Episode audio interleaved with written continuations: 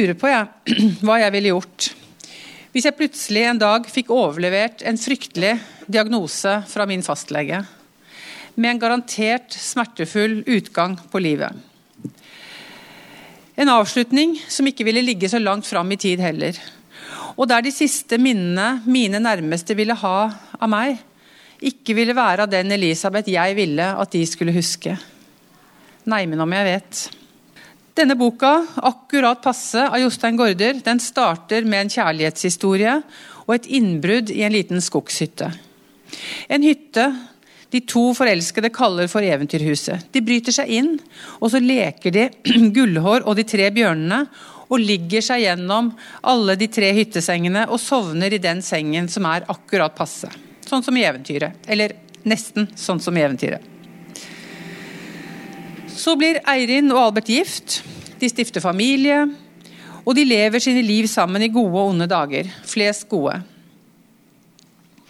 Og så, etter en tid med en litt rar, vissen arm og noen undersøkelser på Rikshospitalet, så sitter altså familiefaren Albert hos fastlegen sin og får overlevert diagnosen ALS. En alvorlig muskelsykdom der kroppens muskler gradvis svekkes, og til slutt så rammes åndedrettet og man dør. En verre avslutning på livet er det vel vanskelig å tenke seg. Albert han mottar denne dramatiske beskjeden mens kona Eirin er på kongress i Melbourne. Sønnen sin og svigerdatteren og deres lille barn vil han ikke involvere. Ingen vil han involvere før Eirin er tilbake fra Melbourne. Og kanskje han egentlig ikke vil involvere henne heller. Albert han flykter til familiens skogshytte, Eventyrhuset. Hytta han og Eirin en gang brøt seg inn i, og som de fikk kjøpt for mange år siden. Og som har vært familiens ankerfeste i alle disse årene. Et sted som rommer de store begivenhetene og minnene i den lille familiens liv. Og her, på denne hytta, så skal Albert gi seg selv 24 timer til å finne ut om han rett og slett skal velge å forsvinne ut av familiens liv før de får vite noe før de får se forfallet hans, og før han blir hjelpeløs og pleietrengende. Først må han bare forsøke å forstå sitt eget og Eirins liv. Ja, Forstå selve livet, forstå den friheten ethvert menneske har til å bestemme over sitt eget liv. Hvor langt strekker egentlig den friheten seg? Er det en sak mellom han selv og familien, eller er det en sak bare om ham selv? Eller er det rett og slett en sak mellom han og det store universet? Hvor forpliktet er vi egentlig overfor hverandre og overfor selve livet og universet i en slik situasjon? Jostein Gaarder tar oss med på en litt anstrengt eh, refleksjonsreise i univers og kosmos, før han kjapt lander og igjen befinner seg i det universet som iallfall for meg er det naturlige universet å befinne seg i en sånn situasjon. Nemlig det universet som omfatter en selv og ens nærmeste. Og Albert gir altså seg selv 24 timer. Og hva er det så, etter disse 24 timene, som blir avgjørende for den beslutningen han velger å ta til sist? Jeg kan si så mye som at svaret det finner han verken i universet eller i kosmos, den store beslutningen han til slutt tar, den faller på plass i møte med en fremmed mann som plutselig dukker opp ved Eventyrhuset for en prat, og som viser seg å ikke være så fremmed allikevel når det kommer til stykket. Ute og går, spør jeg. Han nikker megetsigende. Jeg syns jeg må følge med litt. Jeg opplever det som en ubegripelig replikk. Følge med? På hva da? Han tenker seg om før han svarer. Så sier han. Årstiden det er jo tid for liv og død, dette. Eller for død, død og nytt liv. Man kan snu på det som man vil. Han trekker været og legger til. Kjenner du det ikke? En syrlig, men også nesten søtlig lukt.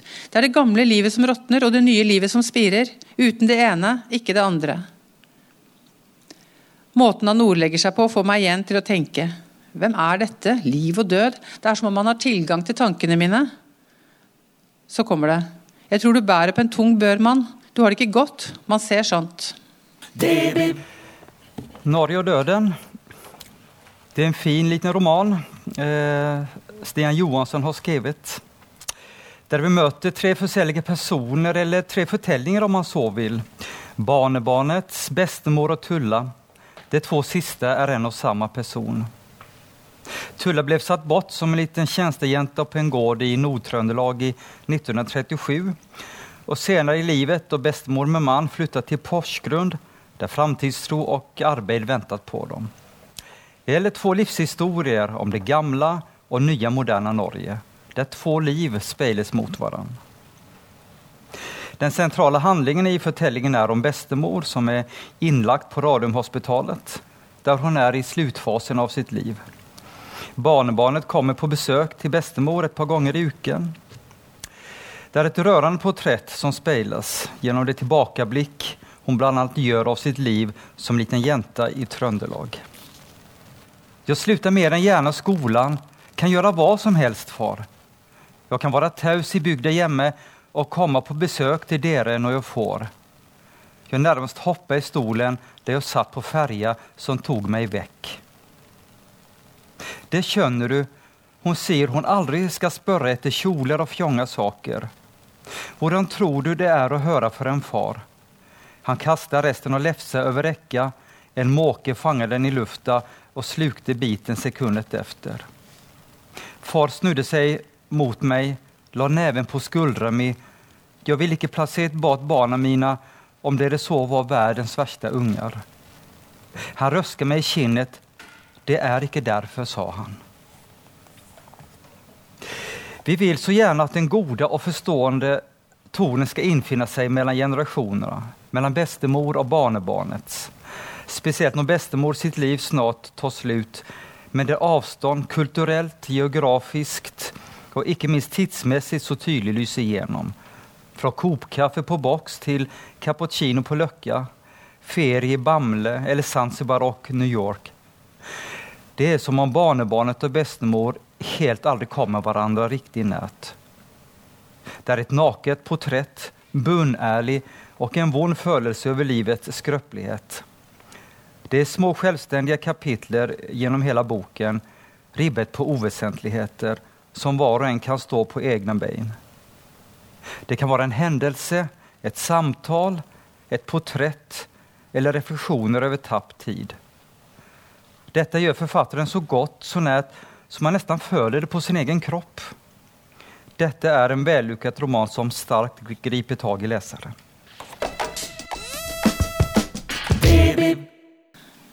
Ja, jeg skal snakke om mer sykdom. Ja. Denne gangen er det barn og sykdom. Og denne gangen er temaet behandlet i en biografisk sakprosasjanger. Biografisk fordi boka handler om forfatterens eget liv. Men der teksten løfter seg ut over forfatterens eget liv, og der han behandler temaet både ut ifra en filosofisk og sosiologisk tilnærming, og for så vidt også en språklig tilnærming. En levnetsbeskrivelse har Jan Grue valgt som undertittel på denne boka. Og Allerede her så aner vi den akademiske og analytiske tilnærmingen og kanskje litt distansen han holder til temaet, som jo er hans egen historie. For Jan Grue han fikk som barn diagnosen spinal muskelatrofi. Det er en medfødt muskelsykdom som gjennom hele livet har ført, ført ham fra undersøkelser til utredninger og behandlinger og nye undersøkelser og nye utredninger og behandlinger. Og Som voksen så fikk Jan Grue overlevert syv ringpermer fra sine foreldre. Over en hyllemeter med papirer. Kliniske beskrivelser, epikriser, søknader om hjelpemidler. Og dette var alt sammen fortellinger fra hans egen barndom og oppvekst. Fortalt i et kaldt og klinisk språk. Og alt handler om dette ene, hva som var feil med denne lille gutten fra et klinisk notat 15.1.1992. Han sitter og går med de litt oppheiste skuldre og motoriske kompensasjonsbevegelser som før, men det er fortsatt generelt god holdning uten skolioseutvikling. Dorsal leggeskinn om natten skaper søvnproblemer, så han får også slippe dette noen netter, tross dr. Hs anbefalinger. Konklusjon praktisk talt stabil over de siste to-tre år. Tenk hva som ligger bak disse kalde setningene. Men det som også var han, eller er han, det er jo det mennesket som da har studert ved utenlandske universiteter, som i dag er språkprofessor ved Institutt for spesialpedagogikk. Han er ektemann, han er far til en liten gutt. Og alle disse mulighetene de finner han ingenting om i de kliniske notatene fra en helt normal Guds oppvekst, men altså med en muskelsykdom. I disse ringpermene så er han redusert til et sykdomstilfelle. Og Jan Grue han reflekterer over hva det gjør med et menneske å bli definert så ubetinget gjennom begrensninger, og ikke gjennom muligheter. Hvorfor skal han kalles funksjonshemmet når han gjør seg så store anstrengelser for å fungere, tenker han. Jeg er rullestolbruker, ikke fysisk utviklingshemmet, sier Grue selv i et intervju i NRK. Fordi at Som språkprofessor så er Jan Grue veldig opptatt av hva språket vi bruker forteller om oss. De ordene vi velger å bruke, de avslører holdningene våre. F.eks. når gamle bekjente treffer ham igjen etter mange år, så sier de ofte Er du blitt bedre? Du ser bedre ut. Og Grue sier selv at disse bemerkningene de avslører egentlig noe helt annet. For han er ikke blitt noe bedre, og han ser heller ikke noe bedre ut. Men det avslører en overraskelse over at han ikke er blitt verre. Det er nesten som det første de tenker er Lever du fremdeles? Da jeg fant fram denne boka og tenkte å presentere den i dette, denne sammenhengen, så trodde jeg at jeg fant fram til en smal bok som ikke ville nå fram til så veldig mange lesere uten formidling. Og sånn har det jo ikke gått. For noen uker siden så fikk han kritikerprisen i, eh, i kategorien for sakprosa for denne boka. Og det har vært utallige intervjuer med Jan Grue i radio, TV, Uh, han har vært på Brenner uh, uh, og i, i, media for øvrig. Så denne boka har jo faktisk nådd opp, men jeg har nå allikevel tatt den med.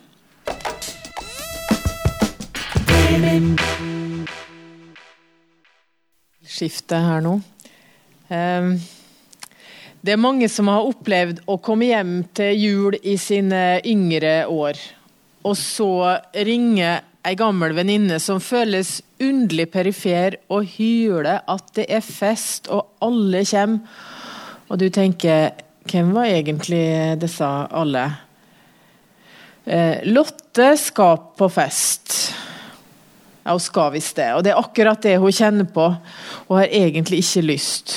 Og har dårlig samvittighet for det at hun ikke har lyst. Og drar. Og festen den er godt alkoholmarinert allerede, og det er en aggressiv tone. For hvorfor er det så lenge siden hun har vært hjemme, og tror hun at det er bedre der hun er nå? Det er jo helt topp å være her. Og har hun hørt noe fra Katja?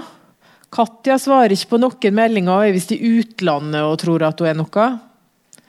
En åpenbar fascinasjon for Katja, særlig blant guttene på denne festen. Men Katja er langt unna og blir dermed oppfatta som enda mer avvisende enn det Lotte har vært. Og hatet stiger og stiger i takt med promillen og det generelle kaoset. Det småbydyret i fri utfoldelse. For en forferdelig fest. For en grusom gjeng. Dette er altså en grafisk roman.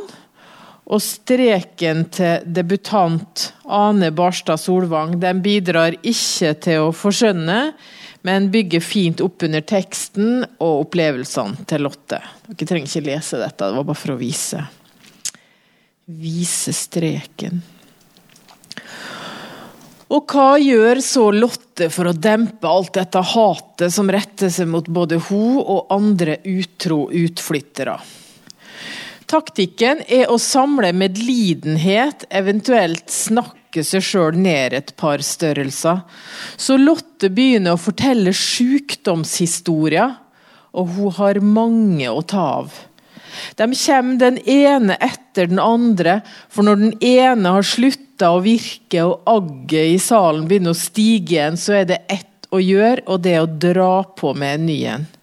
Og Lotte bjuder altså virkelig på. Alt handler om mage, tarm og underliv, og det er ganske grusomme tilstander med infeksjoner med mer i alle kanaler. Og her må jeg virkelig si at den grafiske romanen kommer til sin rett. Men er dette bare en svir av overskridelser?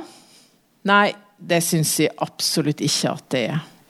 Det som ble tydeligst for meg, det var at Lotte ikke greier å ta vare på seg sjøl. Og de her sjølutslettende utleveringene for å underholde, de er et større offer enn det jeg syns at noen burde gi. Og nå syns jeg at det er på tide at Lotte kommer seg hjem.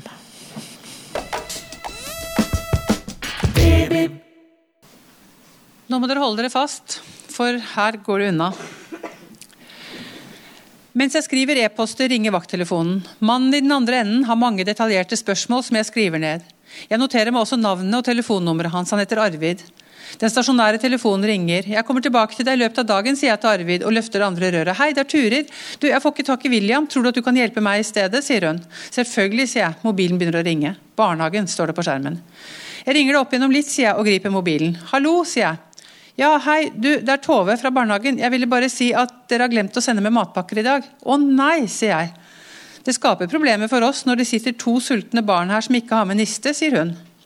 Unnskyld, sier jeg, det var ikke meningen. Må de gå sultne hele dagen nå da, sier jeg. Vakttelefonen ringer. Vi har smurt et par skiver til dem på kjøkkenet, men vi har jo ikke budsjettert med ekstra mat. Vi stoler på at dere foreldre følger opp de avtalene vi har, sier Tove. Jeg hører stemmer i bakgrunnen. Den stasjonære telefonen ringer også. Ja, selvfølgelig, jeg skjønner det. Unnskyld, sier jeg. Tove legger på før jeg rekker å si at det ikke skal gjenta seg. Vakttelefonen og den stasjonære telefonen ringer og ringer. Noen som kjenner seg igjen? Det håper jeg ikke, for dette går jo ikke bra i det hele tatt i lengden. I nøyaktig tolv og en halv side så går det for hovedpersonen Fie. Men da skjer det et brutalt taktskifte i hovedpersonens liv, i bokas tempo, i bokas innhold og også i bokas typografi. Fra sånn og til sånn. Fordi plutselig endres Fies tilværelse. For fra å håndtere familieliv med to barnehagebarn som har langt bedre tid enn mamma har, og med en mann med like travel jobb. Noe som fører til at familien navigerer etter et oppgavefordelingsskjema utarbeidet i Excel. Og med fasttelefon og mobiltelefon som ringer og plinger i ett sett, møter, intervjuer, og til og med en joggetur får en presset inn, for man må jo ta vare på kroppen sin også. Men altså, så skjer det. Jeg våkner med gåsehud. Det føles som et tynt lag med rim dekker hele kroppen. Huset er stille. Jeg ser på klokka. De andre har gått. Jeg slår dynen til side og går ut på badet. Setter meg på do. Det føles så rart. Veggene, skapet, vasken, gulvet, taket, jeg. Alt vugger. Jeg lener meg forover og faller på gulvet. Og I bokas neste 180 sider så lever vi med Fie og sykdommen. Vi er med til leger og i møter med Nav. Vi får kjenne på hvor utmattende det kan være bare det å skjære seg en brødskive. Kan du kjøpe med ferdigoppskåret brød på veien hjem, tekster hun til mannen sin. Hvor vondt det kjennes å ikke klare å fullføre en tur i butikken. Et foreldremøte i barnehagen, ja, ikke engang kunne bli med familien på nyttårsferie. Tittelen 'Jeg vet ikke helt hva det er' den henspiller på den følelsen Fie har av at ingenting stemmer lenger. At hun ikke kjenner igjen verken seg selv eller kroppen sin, eller skjønner hva det er som skjer. Men også det at hva slags sykdom dette er, egentlig ikke har noe plass i boka. Om det er ME eller en annen diagnose. Her er fokuset på Fies opplevelse. Og det i et formspråk som gjør at vi får høyere puls av å lese de 12,5 første sidene i boka. Det er rett og slett ubehagelig. Og så kjenner vi altså like sterkt på utmattelsen i de neste 180 sidene. Og det er også ubehagelig. Og man kan jo spørre seg er det virkelig sånn vi ønsker å leve livene våre. Gir deg. I høst en gang så skulle jeg ha et møte med en konsulent fra Nav og en dame som ønsket å ha arbeidspraksis på biblioteket hos oss. Og Som leder så har jeg fra tid til annen sånne møter. Og Dette møtet det begynte helt som vanlig, men det fortsatte litt uvanlig. Fordi i løpet av samtalen så kom det fram at denne damen hun hadde altså diabetes type 1. Og jeg ble rett og slett helt starstruck. Er det sant? Har du virkelig det? Jeg helt, altså jeg håper at jeg klarte å stoppe de euforiske utbruddene før jeg kom til liksom, så fantastisk og så heldig du er. og sånn. Liksom. Jeg var nesten der. Kan jeg få lov å ta på deg? Og hvorfor i all verden reagerte jeg sånn? Jo, det var fordi at jeg nettopp hadde lest meg ferdig i denne boka her. Eh, Ragnhild Eskelands debutroman som heter 'Føling'. For sånn kan en roman virke på deg. Og Jeg skal prøve å si litt om hvorfor. Egentlig så burde det fulgt et pakningsvedlegg med denne romanen. Et eller annet om at denne romanen bør ikke inntas av personer som har barn eller andre som står leseren nær, som har diabetes type 1. Og så er det jo selvfølgelig kanskje akkurat de som burde lese denne boka, da. Eh, for dette her, det er sterk kost. Selv for en som ikke har, eller kjenner noen, nesten ikke kjenner noen i hvert fall, eh, som har diabetes 1. Denne boka, den, hand, I denne boka handler det meste om det å leve med denne sykdommen, diabetes type 1, fra du er fem år gammel og til du er ung voksen. Alt det andre som skjer i hovedpersonen Ragnhild, Ragnhilds liv i løpet av oppveksten, det blir til bihistorier som alle kretser rundt sykdommen. Om hvordan det føles når du som barn, tenåring, ung voksen må la hele det barnlige, ungdommelige livet ditt styres av blodsukker, karboinntak, sukkerinntak, og hvordan det føles å hele tiden måtte forholde seg til at du kan få føling av ikke å følge godt nok med på nettopp blodsukker, karboinntak, sukkerinntak. Så her snakker vi altså om føling på mange plan. Og om hvor dramatiske konsekvenser det kan få når man ikke vil la seg styre av den sykdommen man har. For Ragnhild hun vil ikke det. Og det mangler ikke på advarsler underveis. Forfatter og debutant Ragnhild Eskeland hun forteller troverdig og nært om hvordan det er for hovedpersonen Ragnhild Eskeland å vokse opp og leve med denne sykdommen. Med alle dens begrensninger og krav om struktur. Og ikke minst om konsekvensene av manglende struktur. Det er sykdommen diabetes 1 som er kjernen og det altoppslukende temaet i denne fortellingen. Så tilbake til spørsmålet hvorfor blir det så sterk kost for meg da? Jo, først og fremst fordi det rett og slett ikke går så veldig bra. Sykdommen i Ragnhilds liv viser hvor vanskelig det kan være å styre livet sitt etter krav og helt nødvendige rutiner hver eneste dag. Når du er forelsket, når du vil gjøre opprør mot alt og alle, og kanskje særlig insulinpumpa. Når du vil drikke deg full. Når du bare vil drite i alt, og når du driter i alt. Og om hvor galt det da kan gå. Og Dette er skildret så intenst og så fysisk og så tett på, og så troverdig og så inderlig. Og det blir så dramatisk. Dette er en roman om sykdom, om én bestemt sykdom. Og romanen setter ord på det å være annerledes i en tid der alt handler om å være lik og det å passe inn. Dette er jo en bok som vi gjerne kan anbefale til folk som jobber med diabetespasienter. Men det ville være å gjøre boka urett og betrakte den som en 'sånn er det å leve med diabetes 1'-bok. Den kan gjerne formidles til ungdom, også frisk ungdom. fordi at dette handler veldig mye om hvor viktig det er å ta kloke valg i en periode i livet hvor du ikke er så veldig interessert i å ta så kloke valg hele tiden. For meg så var dette først og fremst en bok som sugde seg fast i meg og fikk meg til å være en livsglad, uansvarlig, etter hvert ganske så bekymra diabetiker for en stund. Drammensbiblioteket gir deg bøker, blader, filmer og aviser. Bilder, data, spill, musikk og nett. Myldring, lesing, leking og læring. Utstilling, turnering og kultur. Det blir radio. Foredrag, kurs, seminar, debatter. Konserter, teater og lek. Drammens bibliotek gir deg Det blir radio.